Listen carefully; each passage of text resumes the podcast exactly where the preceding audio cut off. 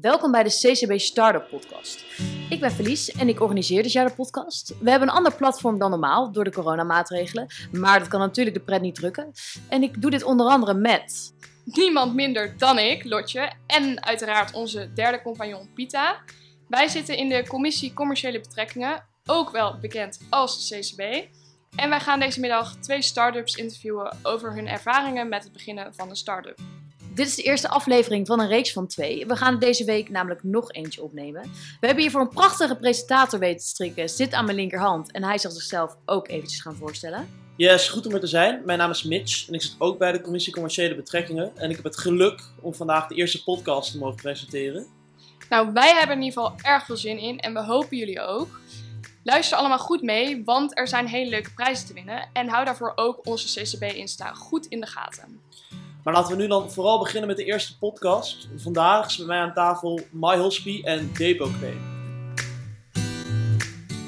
Goed dat jullie allemaal zijn. Fijn dat jullie even konden komen. Links van mij is Koen van Depoclaim. En verder zijn Thomas en Max, allebei van MyHospie aanwezig. Uh, even de vraag of jullie misschien kunnen voorstellen. Laten we beginnen bij Koen. Ja, tuurlijk kan ik me voorstellen. Uh, allereerst leuk om hier te zijn. Uh, het is uh, wel even leuk om weer in Utrecht te zijn en langs te gaan op Veritas. mijn naam is Koen Dorsman, ik ben 26 jaar oud. ik woon in Rotterdam en ik ben tijdens mijn studententijd in Utrecht ben ik met een clubgenoot van mij Depoclaim gestart. En wij helpen voornamelijk internationale huurders met het terugvorderen van hun borg. Thomas? Nice. Ja, dan neem ik hem over. ja, net als wat Koen al zei, erg leuk om hier te zijn op Veritas. Uh, over mezelf, ik ben 23 jaar. Ik uh, studeer econometrie in Amsterdam, maar ik woon hier samen met Max uh, in Utrecht. En nu afgelopen januari hebben wij Marospi samen met drie anderen hebben de mogelijkheid gekregen om dat over te nemen van, van de twee oprichters, Lars en Cornelis. Um, en daar zijn we nu dus vanaf januari mee bezig, dus ja, leuk. Nou, goedemiddag. allereerst leuk dat, dat we er kunnen zijn. het is een thuiswedstrijd, het is mijn hometown. Nou, ik kom, kom er niet vandaan, maar ik woon hier al enige tijd, al vier jaar. Uh, ik ken Veritas ook al een beetje en we zijn ook uh, klant bij jullie. dus dat is super. Nou, of jullie zijn klant bij ons, hoe, hoe je het ook wil zeggen. Maar ja, ik ben Max, ik studeer ook in Utrecht. Ik doe bedrijfskunde, ik ben 24 jaar. En ehm, ja, in september ga ik beginnen met mijn scriptie. En in de meantime doe ik dit ernaast. Naast mijn normale werk ook nog. Dus druk, druk, druk op dit moment. Ja, ik kan me zeker voorstellen. Want nou, jullie zijn dus allemaal de leider van een start-up. Um, en dan vraag me eigenlijk wel af, hoe zijn jullie dan, hoe, hoe ontstaat dat? Hoe ben je op het idee gekomen om dan zo'n start-up te beginnen? Wanneer ga je dan de eerste stappen maken en hoe begint dat eigenlijk, Koen? Hoe wij zijn begonnen, um, dat is eigenlijk uh, zoals elk leuk idee begon uh, aan de borreltafel. Um, ik had met een uh, clubgenoot van mij over om een, eigen bedrijf te gaan starten. dat is altijd een leuk idee.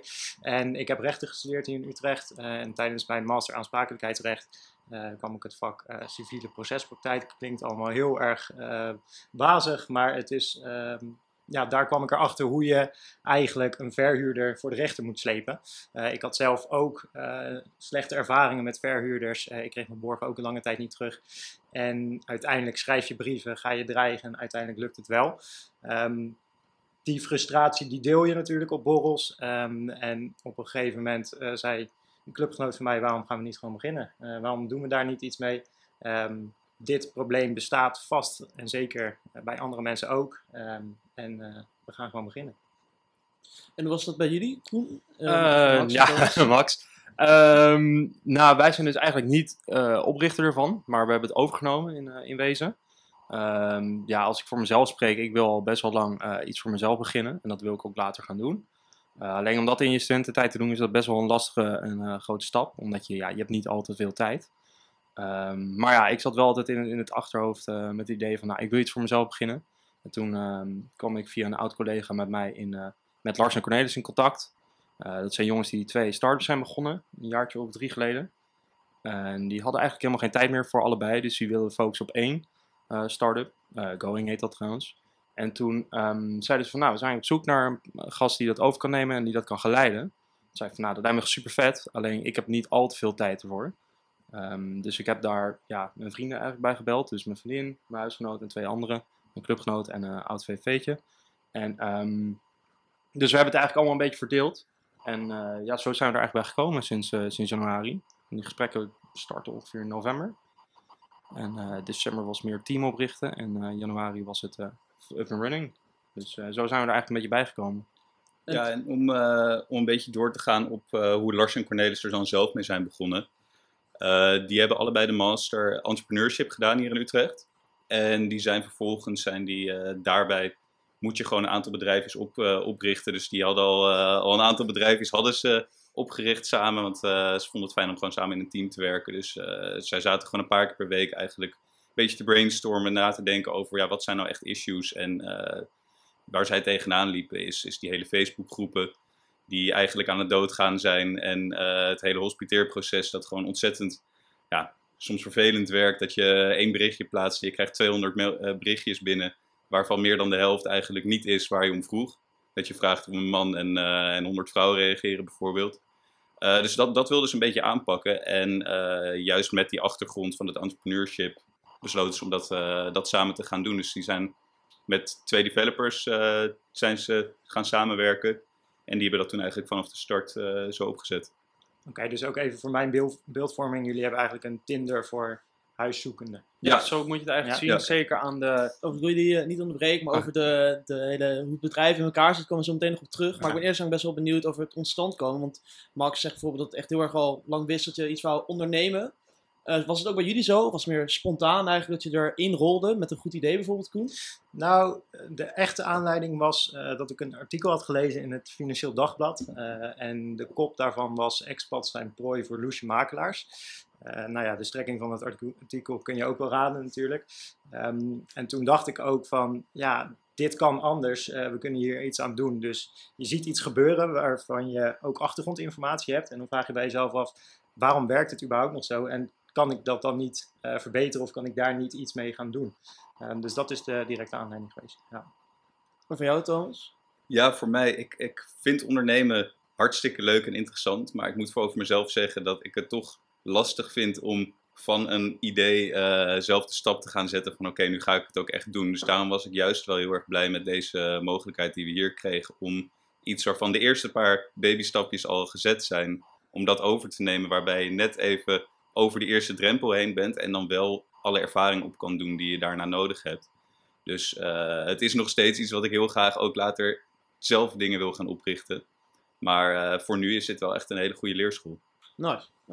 Goed en eh, leuk om te horen. Laten we nu dan inderdaad vooral gaan focussen op wat jullie bedrijven vooral doen. Te beginnen met My Hospi. Waar, waar staan jullie voor? Wat zijn jullie speerpunten echt? En wat, ja, wat is jullie eigenlijk doel als bedrijf? Uh, ja, het is eigenlijk heel simpel. Uh, het is een platform waarbij huurder en verhuurder bij elkaar worden getrokken. Je ziet het als een kamernet, een uh, housing anywhere op dit moment. Alleen dan volkomen gratis en wel meer gericht op studenten. Want bij kamernet is het vooral, het boeit eigenlijk niet wie erin komt, zolang het maar zo snel mogelijk erin gaat en cashen en wegwezen. Bij ons is het wel meer gericht op studenten van, nou, we willen, een, er is een bestaand huis van bijvoorbeeld acht mensen en we willen elk jaar een nieuwe Sjaars of een nieuwe Twaars in. En um, ja, het is meer daarop gericht, dus meer gefocust op studenten. Uh, daar is het eigenlijk een beetje uit ontstaan. En um, ja, zoals, uh, pardon, Koen. Koen, Koen net zei, uh, het lijkt inderdaad een beetje op Tinder. Mm. Zeker als je dat vanuit de huizenkant ziet. Want je gooit je huis erop en je krijgt allemaal profielen binnen. En dan is het ja, van links of naar rechts swipen. En rechts, rechts is het dit keer ook een hartje. En uh, die krijgt dan automatisch een uh, uitnodiging voor de je, je eigen platform daarvoor gecreëerd dan eigenlijk? Ja, ja. Okay. En um, ja, dat, dat was ongeveer drie jaar geleden. En sinds een jaar hebben we er meer de focus gelegd op de verenigingen-kant. Uh, want we zagen dat, ja, dat intern hospiteren ging helemaal vervelend. Want heel veel verenigingen doen dan wel via Instagram met stories. Nou, dan moet één iemand van het bestuur dat allemaal op gaan volgen. Nou, dat is echt een, een hoop werk. Um, en daarnaast gaat het ook heel erg via die Facebookgroepen. En we kregen vanuit verenigingen te horen dat een hoop sjaars niet eens Facebook hebben. Uh, die moeten dat dan speciaal aangemaakt daarvoor. Nou, dus wij dachten van daar kunnen we mooi op inhaken. We gaan daar omheen ook een platform bouwen. Dus dat is een uh, ander gedeelte op onze site. Die is speciaal gericht op verenigingen. Dus als een vereniging bij ons aanklopt, of wij kloppen bij een andere vereniging aan, zoals we ook bij Veritas doen op dit moment, dan krijg je een eigen gedeelte op het platform. Uh, wat gesloten is of open is. Je kan het ook marketingtechnisch uh, goed gebruiken. Maar daar staan dan alle huizen van Veritas op. En als er dan iemand, als iemand dan iets zoekt, een huis, dan kunnen ze dat opengooien. En als het allemaal dicht staat, dan is het een soort van digitaal smoelenboek. Dus je kan ook zien waar iedereen woont, welke dispuut ze zitten. Dat kan je het hele jaar door gebruiken. Eh, en dat is wel eh, wat verenigingen heel fijn vinden op dit moment. En daarnaast, ja, een hoop dat, verenigingen hebben het gesloten, dat platform. Een paar hebben hem ook openstaan. Dat zijn bijvoorbeeld de kleinere verenigingen en die gebruiken het meer marketingtechnisch. Bijvoorbeeld tijdens een keiweek, tijdens een uitweek. Dat laat ze leden bijvoorbeeld zien of nog niet leden van hey, kijk hoe vet we zijn, kijk hoeveel huizen we hebben, kijk wie er allemaal woont. En daar kan jij misschien wel gaan wonen als je lid wordt. dus marketingtechnisch kan het ook heel erg nice zijn. Dat is de focus waar we, ja, waar we nu eigenlijk op focussen. Dus verenigingen binnenhalen. Veel gesprekken met verenigingen houden. En uh, kijken waar de speerpunten op dit moment liggen. De knelpunten ook. En Koen, hoe is dat bij Depot Claim? Ja, speerpunten. Um, inderdaad, de vragen waren opgestuurd. Ik moest er drie noemen. Drie voorbereiden volgens mij. Um, nee, ik denk dat het met juridische dienstverlening, speerpunt 1 moet altijd kwaliteit zijn. Um, als jij een verhuurder gaat aanschrijven uh, met een brief dat niet lekker loopt of met spelfouten erin, word je eigenlijk gelijk niet serieus genomen. Um, de kwaliteit van je brief moet daarom dus goed zijn, uh, maar ook de kwaliteit naar, je, uh, naar de huurder zelf. Um, die moet je natuurlijk op de hoogte blijven houden van het hele proces. die moet je goed blijven informeren. en die beloof je eigenlijk ook een uitkomst. Dus ik denk dat de kwaliteit vooral juridische dienstverlening erg belangrijk is. En ten tweede, ja, de resultaatgerichtheid. Wij beloven dat wij inderdaad uh, zaken winnen, dat wij uh, geld terughalen. Uh, dat is ook ons verdienmodel. We werken op no cure, no pay. Dus het kost voor de huurder kost het eigenlijk niks om met ons in contact te zijn. En pas op het moment dat de borg is teruggevorderd, pakken wij daar een percentage van.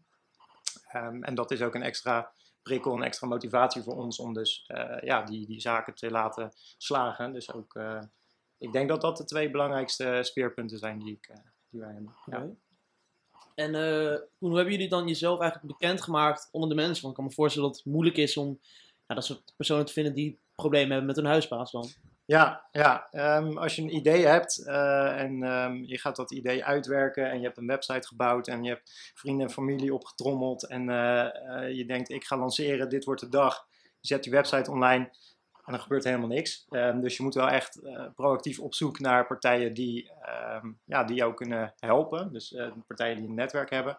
Bijvoorbeeld um, universiteiten of uh, studieverenigingen, studentenverenigingen hebben we aangeschreven. Wij hebben ook Facebook-campagnes gedraaid, Google AdWords hebben we ook nog gedaan.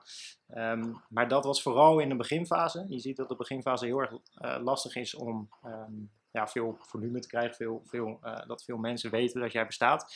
Maar als je eenmaal zaken goed hebt afgerond en als mensen zien dat jij een, een goede partij bent, dan gaat dat balletje rollen uh, en dan ontstaat er mond-op-mond reclame. En ik ben ervan overtuigd dat dat eigenlijk de beste reclame is die je kunt hebben.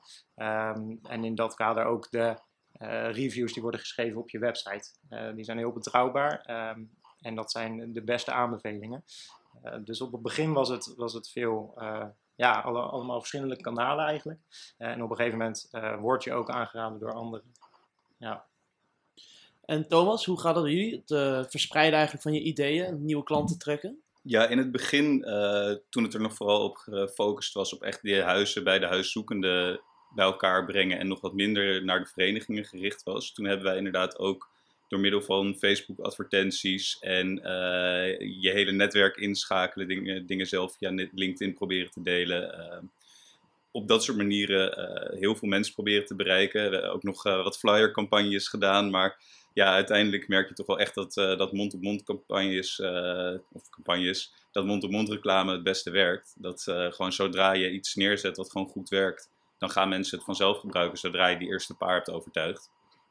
En dat is ook wat we nu werken, dat, dat je gewoon voor de normale huizen en huiszoekenden hoeven we nu minder moeite te doen om die naar het platform te trekken, gewoon puur omdat die natuurlijk er naartoe komen.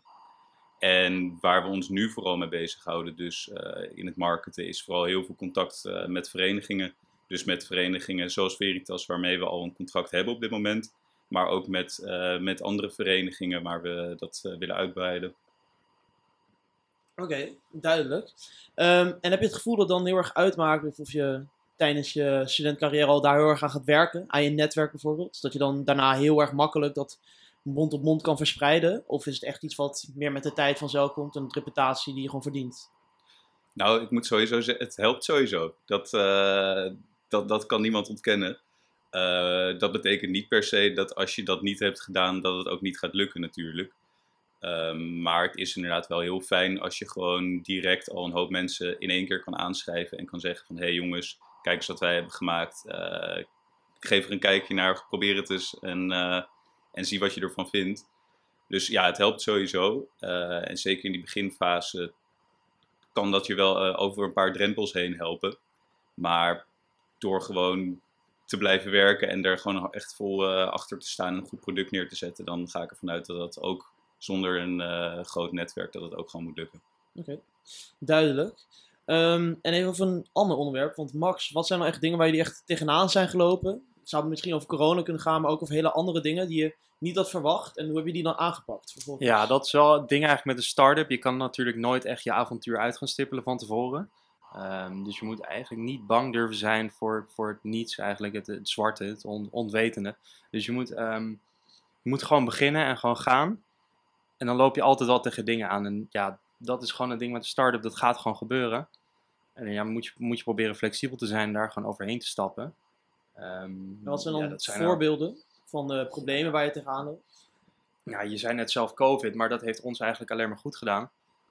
Um, want ja, je kan moeilijk een hele grote hospi hospiteermomenten uh, gaan hosten. Omdat ja, je mag niet zoveel mensen over de vloer hebben.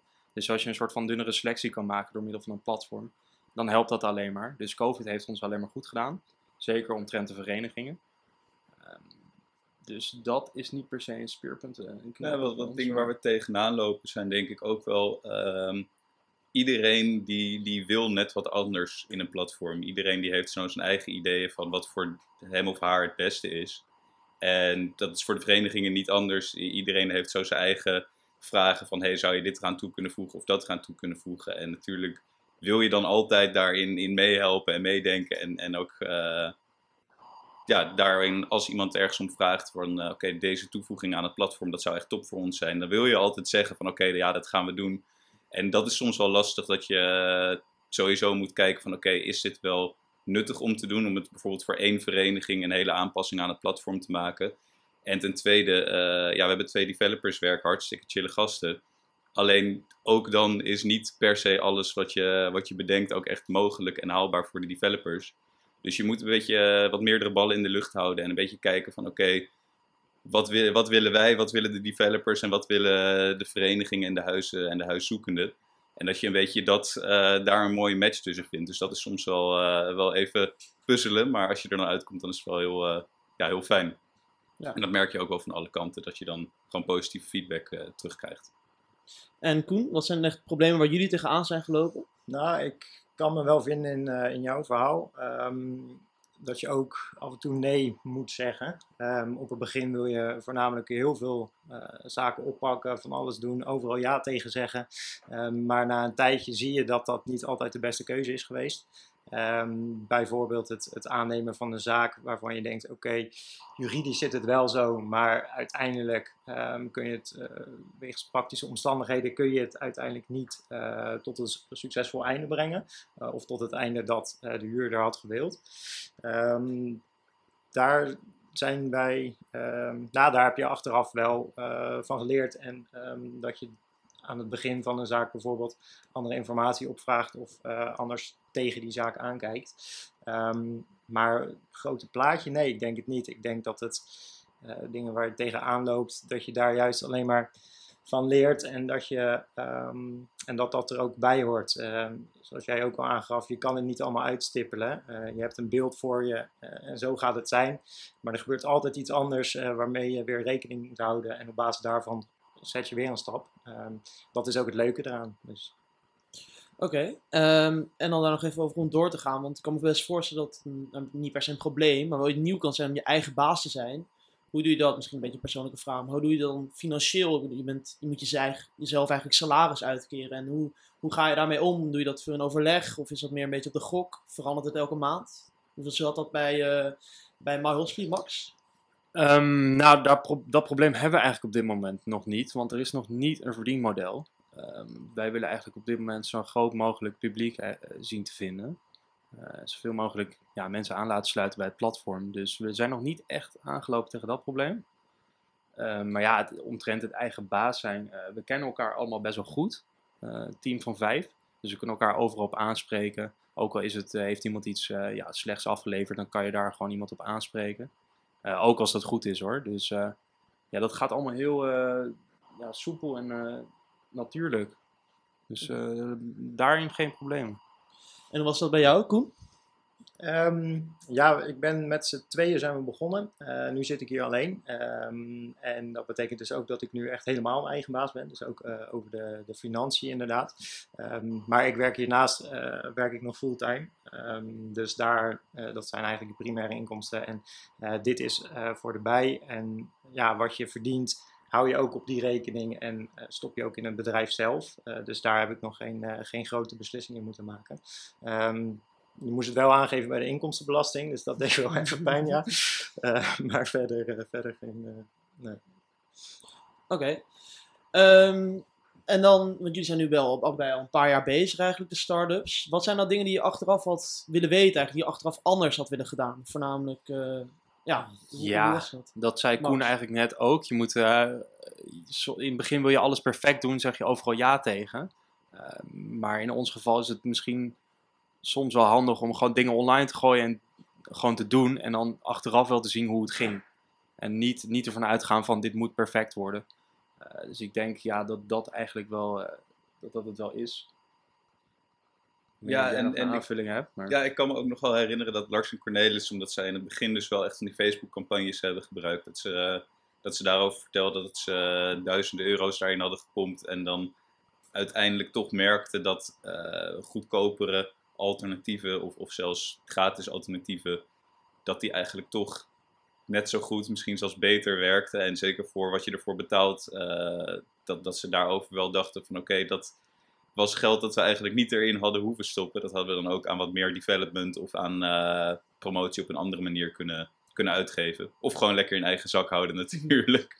maar, uh, maar nee, ik, ik, ik denk een beetje ja, dit als toevoeging op wat Max eerder al zei. Oké. En bij jou, Koen? Ja, het, hetzelfde denk ik wat er, wat er is gezegd. Ik denk dat het uh, veel leermomenten zijn uh, die je juist kan meenemen in, in, in hoe je vanaf dan zaken aan gaat pakken. Um, maar bijvoorbeeld op, op kleiner niveau, ja, dat zijn sommige zaken dat je met de verhuurder aan het bellen bent um, en je hebt je voorbereid om te gaan bellen, om te vragen naar de stand van zaken en om even eh, tegen zijn schenen aan te schoppen en even die borg terug te vorderen. Uh, en dan in één keer noemt hij een bedrag en zit je in een onderhandeling eh, waar je helemaal niet op hebt voorbereid. Um, dus dat zijn kleine dingen, concrete dingen waar je toch wat beter um, ja, kan, kan, voorbereiden misschien. Um, maar op, op groter, groter niveau, nee, echt, echt niet. Het, het, het zijn leermomenten en dat is, dat is leuk. Ja. Oké, want over die leermomenten, wat zijn nou echt tips die je mee zou geven aan bijvoorbeeld studenten die hier nu naar luisteren en denken: Oh, ik, wil, ik heb echt een goed idee en daar wil ik mee aan de slag gaan? Of juist studenten die heel erg gedreven zijn naar ondernemerschap, maar nog niet per se een idee hebben? Max? Van ja, de meest cheesy en uh, mooie tip is gewoon doen. Uh, ga gewoon beginnen. En uh, ja, kijk wel waar het schip strandt. Gewoon, gewoon niet bang zijn, flexibel zijn. durf risico te nemen. Hoe, hoe, doe je dan? Wat, wat is de eerste stap die iemand mee kan geven? Van doe dit ja, neem er de tijd voor. Plan bijvoorbeeld gewoon een uur in de week in om, om na te denken over van wat, nou, wat, wat is nou een goed idee. Want dat komt niet vanzelf. Um, of je komt in het dagelijks leven iets, voor, ja, iets, iets werkt niet goed. Of je komt erachter van dit, is helemaal, dit proces is helemaal niet goed. Ga dan vooral nadenken van joh, waarom is dit niet goed? Of wat kan hier beter aan? Dus ja, let gewoon op je omgeving wat, wat, wat nou niet goed is. Of waar juist een, nog een antwoord op moet komen. Ik denk, uh, denk dat, dat als je dat in je achterhoofd hebt en uh, je leeft gewoon je leven, dat dat al wel vanzelf komt misschien wel. Okay. En Thomas, wat is de tip die jij mee wil geven? Ja, die heeft Max eigenlijk al een beetje van me afgepakt. Maar als ik daar wat aan, uh, aan toe zou moeten voegen, dan denk ik dat het is dat, je, dat het ook wel heel veel nut heeft om uh, te praten met mensen die in hetzelfde schuitje hebben gezeten, die zelf een start-up hebben opgericht. En vanuit de universiteit bijvoorbeeld zijn er een paar instanties die start-ups helpen. en als je daar, eh, als je, als je echt concreet bezig bent met van oké, ik wil een start-up gaan beginnen, zou ik ook zeker daar contact mee opnemen. Want zelfs al zijn zij niet erin geïnteresseerd, dan zijn ze altijd ertoe bereid om eh, jou in contact te brengen met andere oprichters van start-ups. En alleen al uit die gesprekken kun je waarschijnlijk al heel veel informatie halen die nuttig is en eh, struikelblokken die je anders vol overheen was gegaan, dat je die, eh, die kan ontwijken. Dus ik, ik denk dat dat ook wel, uh, een goed punt is. Ja, dat sluit ook wel een beetje goed aan bij het netwerken. Dat is natuurlijk ook Ja. gewoon belangrijk. Dan heb je in ieder geval een vaste basis al voor je begin. Ehm, en ja, gewoon, je kan met heel veel mensen sparren als je een groot netwerk hebt. Dus eh, dat sluit er ook wel goed bij aan, vind ik. Ja, en praat ook met zoveel mogelijk mensen over je idee. Eh, echt niemand gaat je idee stelen. Eh, en je krijgt alleen maar goede feedback terug. Eh, juist de kritische mensen opzoeken waar je eigenlijk niet echt zin hebt om mee te praten. Dat je denkt, oh, ik krijg wel die vragen weer. Maar dat zijn juist goede vragen om er dan goed bij stil te staan en over na te denken. En ik zou ook, ja, op wat net al is gezegd, gewoon doen. Ehm, spring, niet, ja, spring niet zomaar in het diepe. Doe wel, eh, doe wel research. Maar eh, ja, eh, let go en dan, en dan zien waar je uitkomt. En vooral in het begin richten op de kwaliteit. Ik denk dat dat echt heel belangrijk is. Ehm, het kost heel veel energie om een slechte ervaring weer goed te maken. Dus je kan het beter in één keer goed doen. En ehm, als, ja, als de kwaliteit ja, goed is, dan, dan komt de rest, dan komt de kwantiteit vanzelf. Dat is een uitspraak niet voor mij. Maar ehm, en dat vond ik wel, eh, dat vond ik wel mooi. Ja. Oké. En wat voor tips zou je dan... We hebben voor een student die misschien... Ja, ik kan me voorstellen dat studenten een heel goed idee hebben, maar misschien totaal niet iets economisch studeren. Wat voor stappen kan je dan ondernemen? Want je hebt er misschien weet je er minder van af. Raad je aan om iemand op te zoeken? Of juist bijvoorbeeld eens naar de universiteit te gaan? Max? Ja, dat vind ik lastig. Eh, als je start-up wil beginnen of wil gaan leiden, dan, dan moet je natuurlijk altijd wel een eh, commercieel oogpunt hebben. Eh, anders ja, kom je in mijn ogen niet zo, niet zo heel ver, behalve als je product natuurlijk echt heel goed is. Dan, dan komt dat wel vanzelf. Maar eh, ja, dan raad ik aan, eh, ga podcast luisteren, lees boeken. ja. Investeer in jezelf, zou ik dat denken. Eh, Gewoon bijscholen dan? ja, gewoon bijscholen. Eh, ja, nee, ik, ik weet niet wat ik daarop zou moeten zeggen. Nee. Ik denk niet dat je een, een bepaalde achtergrond moet hebben om zelf je bedrijf eh, te beginnen. Ik denk dat je nieuwsgierig moet zijn. ehm, en ik denk dat je juist iets wil veranderen. En vanuit daaruit eh, regel je het wel. Iedereen kan ondernemen. Iedereen kan ondernemen. Thomas, nog iets op toe te voegen? Eh, ja, ik denk dat het, dat het sowieso inderdaad iedereen kan ondernemen. Maar het is wel belangrijk om eh, een beetje een beeld van jezelf te hebben wat je goede en slechte punten zijn. En als jij inderdaad ziet van oké, als ik dit bedrijf wil gaan oprichten, ik heb hier een heel goed idee, maar in de uitwerking of in de uitvoering of in de sales, eh, noem maar iets daarvan, eh, zou ik eigenlijk het liefst kwaliteiten hebben die ik zelf niet heb. Ehm, ja, voel je dan zeker niet beschaamd om inderdaad gewoon iemand er anders erbij te zoeken die daar wel op aansluit.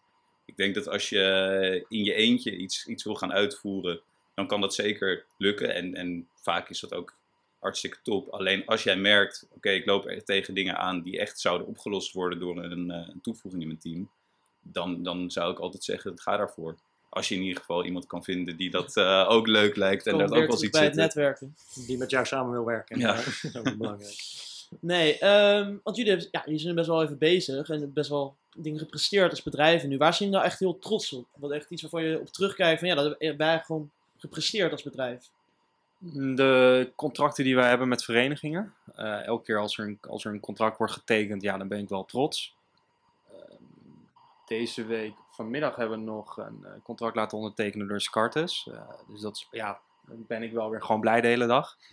Eh, daarnaast is er, denk ik, volgende maand halen we de 10.000 gebruikers. Dat is wel een, eh, ja, een mooi getal natuurlijk. Dus eh, daar, ja, als dat eenmaal is gebeurd, dan eh, ben ik daar ook heel erg trots op. Ehm, ja, dat, dat zijn wel de, de twee meest eh, mooie dingen. Thomas, ben jij voor My Hospital daar nog dingen op eh, aan te voegen? Ja, het is ook wel heel leuk om eh, op bepaalde momenten te zien hoe het dan ook echt in de praktijk gebruikt wordt. Dus niet alleen eh, mensen die een, een huis vinden, dat is hart, hartstikke nice, maar ook in, in grotere schaal. Afgelopen zomer heeft eh, USC bijvoorbeeld het complete hospiteerproces eh, via mijn hospie laten lopen. En dat soort dingen, die, eh, dat is natuurlijk wel echt heel leuk om te zien dat je zo'n grote vereniging dan in één keer eh, alle leden ervan gebruik gaan maken. En ja, dat dat gewoon allemaal daarmee kan en gaat, dat, eh, dat is allemaal wel echt leuk om te zien. En eh, Koen, hoe was dat bij Depot Claim? De successen? De successen, ja, elke zaak die je doet en die je wint, dat is al een succes. Ehm, en daar kan ik ook de hele dag eh, dan van genieten. Dat is, eh, dat is heel leuk, want je stopt er heel veel moeite eh, in. En uiteindelijk kun je naar, je naar de huurder om te vertellen dat het gelukt is om, om die borg terug te vorderen. Dus, ehm, en elke zaak is daar heel anders in, op een andere manier. Soms heb je een, een zaak waar je heel veel hebt onderhandeld. De andere keer heb je één hele goede brief geschreven waar het direct bij is gelukt. Ehm, maar ik denk waar, je, ja, waar ik dan wel het meest trots op ben, is eh, het feit dat je een idee hebt gehad, ehm, dat je er vertrouwen in hebt gehad ehm, en dat je daardoor eh, door dat vertrouwen ook gaat uitvoeren en dat het uiteindelijk lukt. Dat mensen jou weten te vinden, ehm, dat jij doet wat je belooft en dat je uiteindelijk resultaat behaalt eh, en dat je ook die huurders kunt helpen. En die persoonlijke reviews die je dan krijgt, dat, dat is hartstikke leuk om te lezen en daarvoor ehm, ga je ook wel door en dat geeft ook wel motivatie. Ja. Oké. Ehm, en dan even, we hebben het heel veel over het verleden en het heden gehad. Maar wat zijn jullie plannen eigenlijk voor de toekomst? Wat zijn nog stappen die je wilt maken? Of misschien overgaan naar een ander bedrijf? Je dit juist helemaal uit willen werken. Hoe zie je dat voor je, Max, bij My Hospital? Ja, wij willen eigenlijk bij de, binnen de studentenwereld gewoon een, ja, een naam worden. Eh, we willen elke vereniging willen we op on- in ons portefeuille hebben. Ehm, daar zijn we op dit moment druk mee bezig.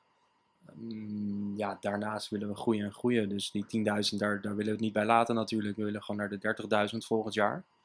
Eh, daarnaast willen we 20 verenigingen ook volgend jaar. Dat zijn eh, eigenlijk onze twee streefdoe- streefdoelen.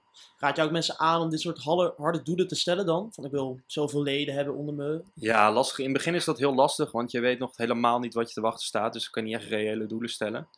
Eh, ik denk dat dat naarmate het proces een beetje vordert, dat, dat je dat wel kan gaan doen. Maar dat is niet per se een aanrader, want het is natuurlijk binnen elke start-up kan dat, heel, kan dat niet natuurlijk. Ehm, nee, dus ik denk dat dat onze voornaamste streefdoelen zijn. De, de, 10.000 de 30.000 gebruikers en de 20 verenigingen. En Thomas, hoe zie je het bedrijf dan voor je? Want werken jullie nu vanuit thuis? Of hebben jullie een klein kantoortje? Nou, het helpt dat wij samen wonen. eh, Dat is- dus eh, ja, we kunnen eigenlijk altijd, als we echt met z'n vijven gaan zitten, dan is het bij ons. En voor de rest doen we heel veel met meetings eh, online. Waarbij wij dan het voordeel hebben dat we er gewoon lekker met z'n tweeën kunnen zitten. Maar ja, in principe gaat alles, eh, alles gewoon online. En zeker het contact met de verenigingen.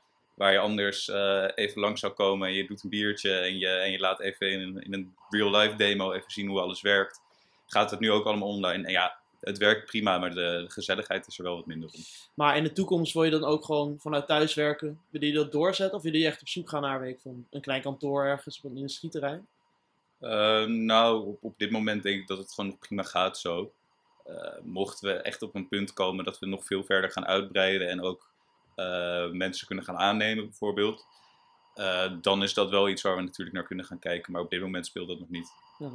En Koen? Want hebben jullie, even tussendoor, hebben jullie eh, concurrenten eigenlijk? Zijn er partijen die Mm. hetzelfde doen als dat jullie doen? Eh, Niet ja, bij naam noemen natuurlijk. Maar... Ja, nou, Kamernet kan je wel prima noemen, denk ik. Eh, Ja. Dat is wel een groot, groot speler. Die is vorige maand toevallig overgenomen door Housing Anywhere. Hm. Dat is opgericht door een Nederlander uit Rotterdam. Hmm. Dat is echt op dit moment als een malle aan het groeien. In. Over de hele wereld eigenlijk. Maar ja, dat is van zo'n groot kaliber, dat is niet echt... die zit niet echt in ons vaarwater. En die is niet, ook niet gericht op verenigingen. Ehm, dus nee, echt puur gericht op verenigingen zijn wij bijna de enige. Ehm, er is wel één kleine andere speler op de markt, maar die is ook niet gericht op verenigingen. Die is wel gericht op hospiteren. Maar ja, die is nog zo klein, die, eh, die hoef ik niet eens te noemen. Laat ik, het zo zeggen. Heel goed. Enge roast. Maar eh, nee, voor de rest, eh, ja, de, de Facebookgroepen die, die ook alleen, nou, dat zullen jullie zelf ook gemerkt hebben, in al die groepen, eh, het, het wordt steeds minder en minder. En veel mensen die net gaan studeren, die hebben niet eens meer Facebook.